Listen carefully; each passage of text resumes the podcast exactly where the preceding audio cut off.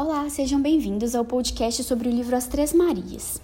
Eu sou Gabriela e hoje iremos falar sobre o romance de 30 do modernismo brasileiro, principalmente com enfoque na obra de Raquel de Queiroz. Antes de tudo, é preciso falar sobre a própria escritora, que, além de cearense, foi uma mulher fascinante e um tanto quanto misteriosa. Raquel nasceu em Fortaleza em 1910 filha de Daniel e Clotilde Queiroz, e é parente do José de Alencar.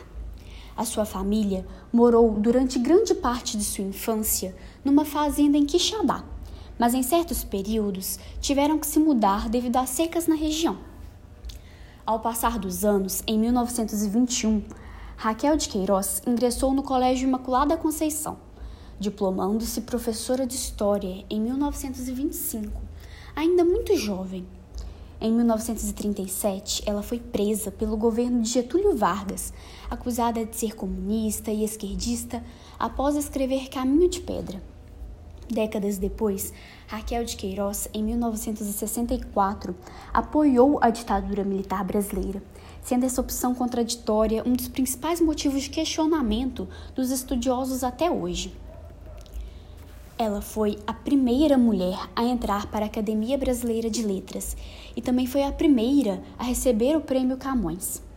Além de seu destaque como escritora, foi também jornalista, tradutora e teatróloga, contribuindo imensamente para todas essas áreas, mas tratada lamentavelmente com muita hostilidade em sua época.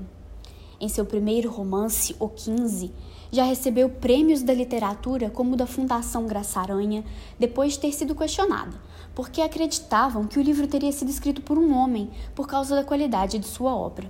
Depois, recebeu mais prêmios, até mesmo Jabuti na literatura nacional, e alinhou-se a escritores renomados como Graciliano Ramos e Jorge Amado, com o intuito de denunciar a seca e misérias nordestinas. Além dos romances, a autora escreveu peças de teatro, livros infantos juvenis e principalmente dedicou boa parte da vida escrevendo crônicas para jornais. Ela também foi responsável por ser uma das escritoras que mais levaram a literatura nordestina a âmbito nacional. De acordo com Mário de Andrade, renomado escritor modernista brasileiro, a linguagem de Raquel era perfeita e ela possuía uma extraordinária capacidade de observação. Após conhecer a biografia da autora, vamos tratar agora do quarto romance escrito por ela, As Três Marias, publicado em 1939, em que ela extrapola as perspectivas da época, trazendo também alguns trechos dele no decorrer do podcast. Muitos temas já haviam sido abordados em suas obras anteriores. Todavia, a Raquel de Queiroz ela se dedicou ainda mais em escrever sobre o papel da mulher na sociedade nesse livro.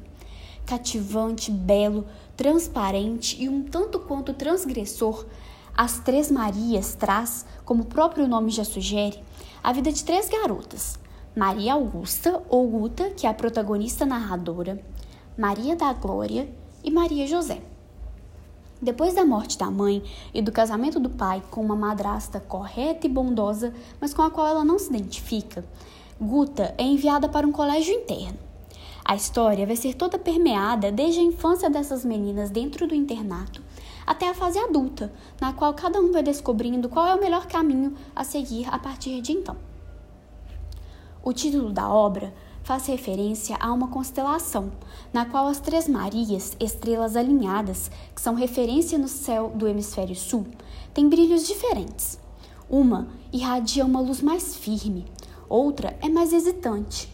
Assim também é a personalidade das três amigas que compõem o romance mais autobiográfico da brasileira Raquel de Queiroz. O apelido é dado logo no início do livro por uma freira do colégio interno em que se passa a primeira metade da história. Por estarem sempre juntas em todos os cantos, chamaram-nas de Três Marias. Numa passagem do livro, Guta fala: